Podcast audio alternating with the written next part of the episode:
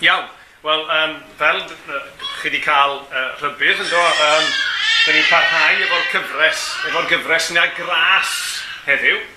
Uh, fe gafon ni ryw neges rhyw bythefnos yn ôl yn rhoi'r cyd-destun. A heddiw, da ni'n echar dechrau gyda gras. Um, fel nes i esbonio bythefnos dair yn ôl, mae'r gyfres yn codi allan o rhywbeth nath yn haro i yn yr astudiaeth. Uh, mae'r rhys yn mynd fo'n i yn yr astudiaeth trwy Rhyfeiniaid. Um, Dyn ni wedi cyrraedd penod naw. Wei! uh, dwi'n meddwl bod Rhys wedi gobeithio bys ni'n gallu mynd yn gynt, ond mae mor, dim trwm, mae mor llawn. Dyn ni'n mynd yn reit uh, hamddenol trwy fe, a dyn ni, uh, unrhyw eisiau eisiau ymuno, dyn ni nos, noswaith nesaf, dyn ni'n symud ymlaen i, i benod naw. A nath hwn yn haro i pam oedd Rhys yn arwen ei trwy penod 5 oedd yn sôn am trosedd a gras. A yn gwendid ni am pechon ni, a gras diw ar yr ochr arall. A nath hwnna'n dystachod i feddwl bod ni dyn ni mor gyfarwydd ar rhai geiriau. Be di'r dywediad Saesneg? Familiarity breeds contempt. Dyna di'r dywediad, falle bod hwnna'n gorfeid chydig bach, ond chi, chi, chi deall y pwynt. Dyn ni'n anghofio be mae'r geiriau mae'n feddwl, dyn ni'n defnyddio uh, y geiriau. A felly, dyn ni'n ni dachrau gyda gras heddiw, a dwi wedi dyfynnu athronydd enwog iawn, iawn, iawn. Na en, pwy sy'n gwybod pa athronydd enwog nath ei let's start at the very beginning, it's a very good place to start. Yeah. Julie Andrews, ie. Yeah. Yn Sound of Music. Uh, yn yr gan Dore i mi, ie. Yeah. Let's start at the very beginning, it's a very good place to start. A, a dyna ni, os dyn ni'n mynd i ddechrau bod gras, os dyn ni'n mynd i edrych ar ras, mae'n rhaid i ddechrau efo dechrau gwaith gras yno ni. So dyna lle dyn ni, so dyn ni'n dilyn cyfarwyddyd Julie Andrews y bore yma, a dyn ni'n edrych ar ddechrau gyda gras uh, ym, ym mhob rhan o fywyd, a mae'n cynnwys dechrau y bywyd newydd yng Nghyris. A dwi eisiau darllen yn sydyn iawn chydig o'r nodau cyfarwydd allan o lythyr Paul at yr Effesiaid, jyst y deg adnod gyntaf. Bu adeg, pan oedd eich wythau yn feirw yn eich camweddau a'ch pechodau, a oedd eich yn byw yn ôl ffordd y byd hwn, mewn ufuddod i dywysog galluoedd yr awyr, yr ysbryd sydd yn awr ar waith, yn yr hain sy'n anifydd i ddiw. Ymhlith yr ai hynny, roedd yn nina i gyd unwaith, yn byw yn ôl ein chwantau dynol ac yn porthu dymuniadau'r cnawd a'r synhwyrau, a oedd e'n wrth natur fel pawb arall, gorwedd dan ddi gofaint diw, ond gan môr gyfoethog yw Dyw yn ei drigaredd, a chan fod ei gariad tuag ato mor fawr, fe'n gwnaeth ni, ni oedd yn feirw yn ein camweddau, yn fyw gyda Chris, trwy ras yr ydych wedi ei chachub. Yng Nghyst Iesu, fe'n cyfododd gyda gef a'n gosod i eistedd gyda gef yn y nefolion leoedd, er mwyn dangos yn yr oesoedd sy'n dod gyfoeth difesur ei ras trwy ei dirionddeb i ni yng Nghyst Iesu. Trwy ras yr ydych wedi eich achub. Mae'n deud y ddwywaith, jyst yn ei saff bod ni'n cofio. Trwy ras yr ydych wedi eich achub, trwy ffydd. Nid eich gwaith chwi yw hyn, rhodd diw ydyw. Nid yw'n dibynnu ar weithredoedd, ac felly ni all neb yn ffrostio, oherwydd ei waith ef ydym wedi ein creu yng Nghyst Iesu i fywyd o weithredoedd da. Bywyd y mae Dyw wedi ei drefnu i ni o'r dechrau. A geiriau bendigedig, geiriau arbennig iawn. A fel edes i, dyn ni'n ni, edrych ar dechrau gwaith gras Dyw yn ein bywydau ni heddiw. A hynny yw, wrth ddarllen yr adnodau nawr, ni bron iawn, wel, wedi darllen, mae'n y man y fi sy'n awr nawr a gewn ni jyst hanner awr yn dawel i feddwl o'r peth, ond uh, dwi'n licio siarad, so, so mae ngwraig i nodio yn y gefn. So, uh, ond mae'r neges i weld mor syml ac mae'r neges mor amlwg, da chi'n meddwl, hmm, sgwni, sgwni beth sydd i'w ddeud. Ond mi ydyn ni medru anghofio'r pethau syml a'r pethau amlwg weithiau. Dyn ni medru colli golwg ar pethau. A mae Paul yn siarad gyda'r eglwys yn Ephesus ynglyn â hyn. A jyst i ddangos mod i'n neud chydig bach o ddarllen, dim hanner gymaint ar, ar, ar hys, ond jyst yn ddangos bod ni'n chydig bach o ddarllen. Dyma y tri prif thema sy'n dod allan yn y llythyr at y deffesiau. Yr un cynta ydy gwaith mawr diw yn creu dynoliaeth newydd. Gaich atgoffa chi o'r stori uh, o'n i wedi darllen oedd, oedd, yn, oedd yn, um, yn crynhoi y peth yn dda iawn. Um, falle bod chi'n cofio, um, mae'r ma rhys yn dydi wrth fynd trwy colosied wedi bod yn pwysleisio sut dyn ni'n ffitio i'r stori fawr yna. Chi'n gofio, dyna un peth oedd rhys yn pwysleisio yn, yn y colosied. A pam o'n i'n pregethu chydig wythnos yn ôl, nes i ddarllen hanes o'n i wedi clywed wrth i rywun ddarllen yr effesiad a hanes oedd e am ddyn wedi mynd i warchod i wyrion. A'r wyr wedi iste ar lun taid ac wedi deud, taid, de, dweud a stori wrtho fi a rho fi yno fe. A dyna be di hwn. Paul yn deud stori mawr diw yn gwneud rhywbeth am y byd, ond mae'n rhoi ni yno fe. So mae rhan gyda ni yng ngwaith mawr diw yn creu dynoliaeth newydd. Pwyslais arall pwysig yn y llythyr at ydy buddigoliaeth Iesu. Hynny yw, yr atgyfodiad, y bywyd newydd, y gobaith sydd i'w gael. Pwyslais, pwy, pwyslais arall pwysig yn yr effesiaid oedd yn bwyslais oedd yn ddarallan yn gryf iawn o'n i'n teimlo yn y cwrdd eglwys fel her i ni ydy undod. Undod yn yr ysbryd. A mae ym o dau mae Paul yn siarad efo y criw yma o bobl, oedden nhw'n grisnogion ifanc, oedden nhw'n grisnogion weddol newydd, a mae eisiau hatgoffa nhw o ble maen nhw wedi dod. Sut maen nhw wedi cyrraedd lle maen nhw wedi cyrraedd. A mae neges bwysig o un yma, yma, yma bore yma, os dyn ni'n nabod Iesu Gris neu os dyn ni ddim, rhai sydd wedi dod i gredu a rhai sydd heb ddod i gredu eto. Mae'n neges bwysig i bob un ohono ni. A mae neges sydd yn arbennig o berthnasol i'n hoes ni, dwi'n meddwl. Achos, dwi'n meddwl os di'n arwydd bod fi'n mynd yn hen neu rhywbeth, ond pan dwi'n edrych ar y... Bydwch eich giglo yn y ffrind yna. Os ydw dwi'n dwi edrych ar gymdeithas, chymol, dyn ni wedi mynd yn gymdeithas rhyfedd iawn, iawn, iawn. Dyn ni wedi mynd yn oes rhyfedd iawn, iawn, iawn. Dyn ni'n rhanedig iawn. Mae pobl yn rhannu yn garfannau gwahanol.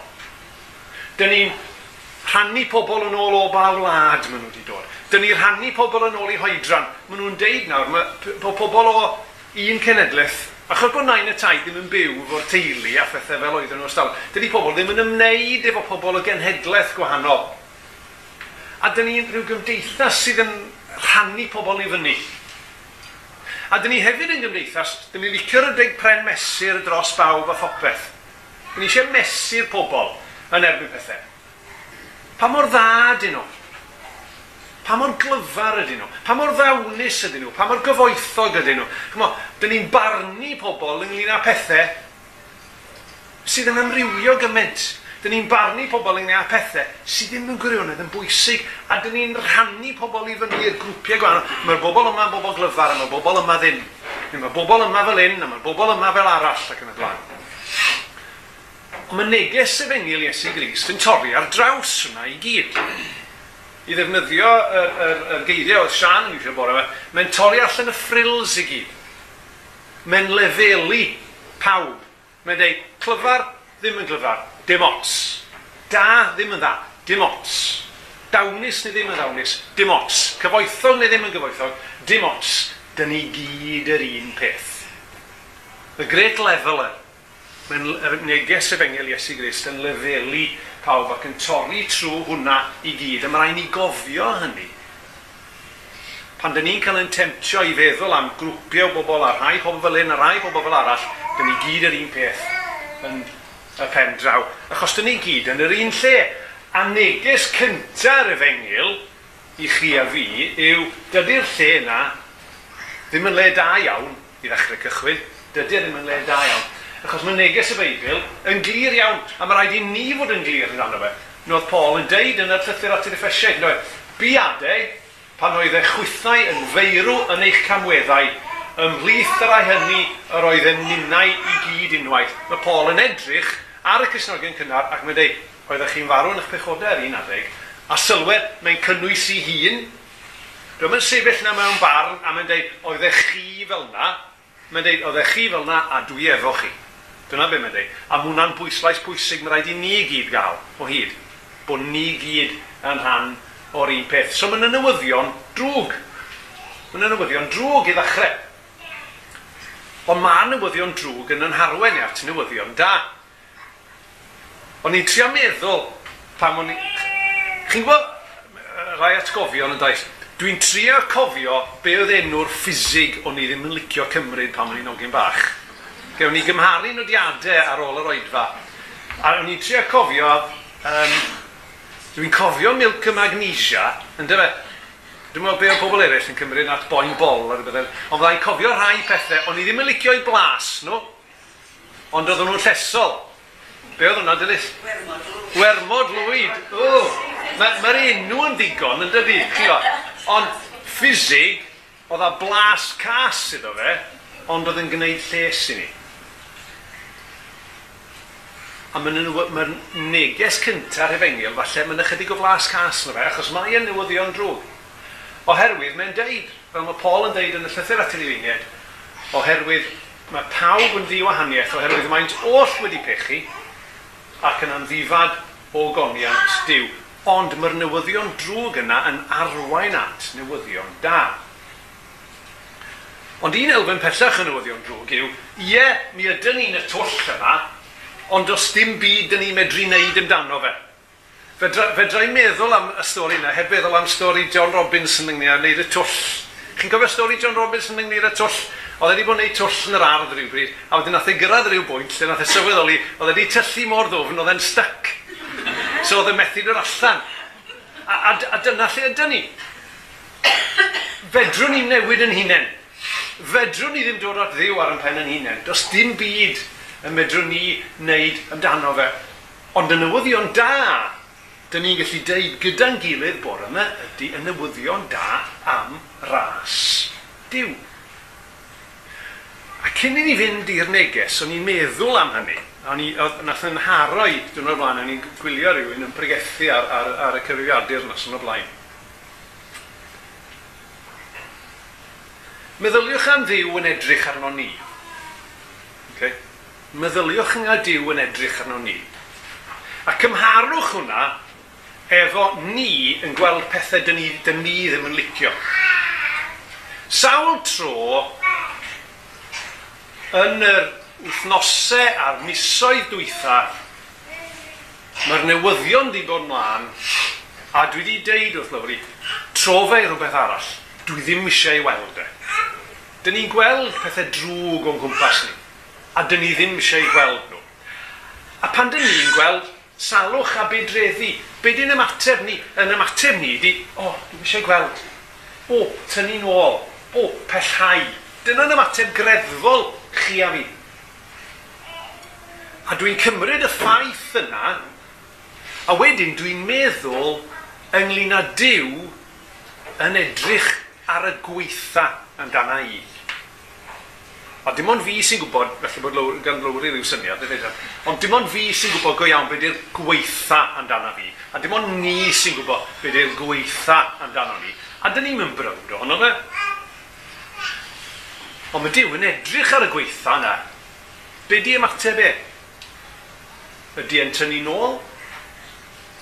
Ydy e'n troi gefn? Ydy e'n pellai? Nag di. Dyma ymateb diw. Y peth cyntaf mae'n gwneud yw, dyw'r e ddim yn syni. Chi'n mo weithiau, dych chi'n meddwl bod rhywun yn reit neis, a wedyn mi nan o rhywbeth, a yw'ch chi, meddylwch bod nhw wedi gwneud y pethau, neu bod nhw wedi deud hynna. Di diw ddim yn cael surprise. Does na'm byd tywyll yn eich bywyd chi ac yn fy mywyd i sydd yn surprise i ddiw. Dwi e ddim yn cael ei syni. A dydy diw ddim yn troi ffwrdd Mae'n gwynebu'r peth. A dwi'n just yn gwynebu'r peth. Mae'n delio gyda'r peth trwy anfon Iesu Gris i'r byd. A mae'n estyn allan ato ni ac mae'n cymryd y peth yma sydd yn ddrwg amdano ni ac yn ei rhoi e ar ei fam. Dyna ymateb grasol diw i'r sefyllfa. Ymateb grasol diw i'r gweithaf yno ni mae'n cael ei ddangos i ni yn Iesu Grist. Mae Iesu Grist yn dod i'r byd. Mae Iesu Grist yn dysgu ei achau. Mae Iesu Grist yn marw yn ein lle ni, a mae Iesu Grist yn atgyfodi. A ydych chi'n bod, da ni'n meddwl am y gweitha yna amdano ni. Beth bynnag ydy'r gweitha amdano ni, efo'n gilydd y bore yma, mae ymateb diw yn fwy. Mae ymateb diw yn fwy na'r gweitha. Mae'n fwy'n yn gwendid ni, mae'n fwy'n yn pechod ni, mae'n fwy'n yn gweitha ni, mae'n fwy'n yr diafol, mae'n fwy'n yr byd. Chi'n cofio, oedd y cymal yma yn yr adnodau, oedd e'n sôn am gyfoeth difesur ei ras. Cyfoeth difesur ei ras. Dyna newyddion da gras Dyw. Ac ymateb diw i'r sefyllfa yw mae'n edrych ar y sefyllfa a mae'n gweld bod ni'n medru ddim yn gallu gwneud dim byd amdano fe. Dyn ni'n gallu gwneud dim byd amdano fe. Ond dyn ni ddim angen gwneud dim byd amdano fe, achos mae e'n medru. Ac mae e yn dewis gwneud rhywbeth amdano fe. Dyma yr adnod ddarllenon ni'n dweud. Ond gan mor gyfoethog yw diw yn ei drigaredd a chan fod ei gariad tuag ato mor fawr, fe'n gwnaeth ni.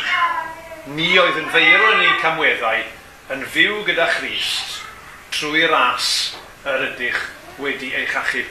Fe'n gwnaeth ni. Trwy ei ras.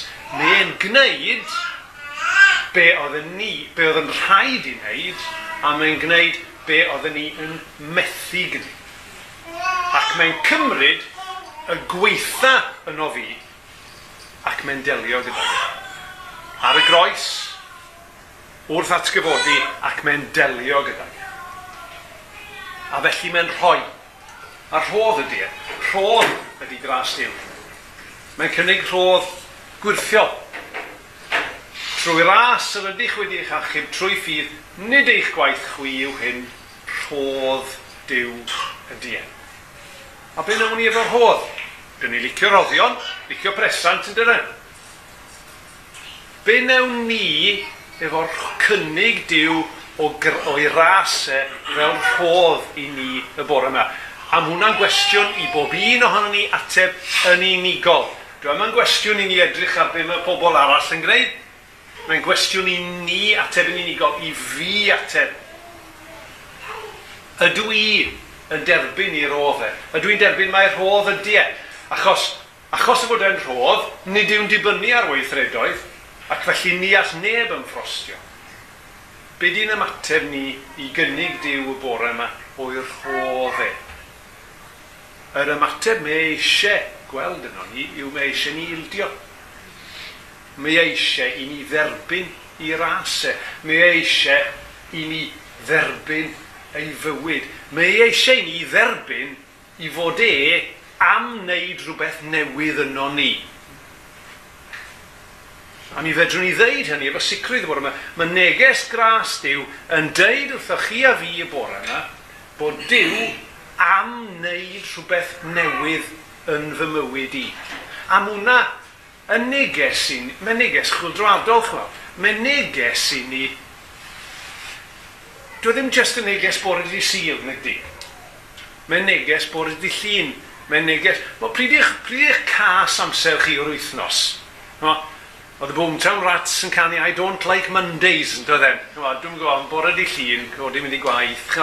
Ond mae'r neges yma i fod e am wneud rhywbeth newydd yno ni ar gyfer yr un adeg yna yn yr wythnos, dych chi licio weitha. Yr adeg yna sy'n mwyaf diflas, yr adeg yna sy'n mwyaf boring, yr adeg yna sy'n mwyaf anodd i chi, a mae gyd yn wahanol, mae wahanol i bob un ohono ni, ond mae eisiau gwneud rhywbeth newydd ynom ni oherwydd ei rasau.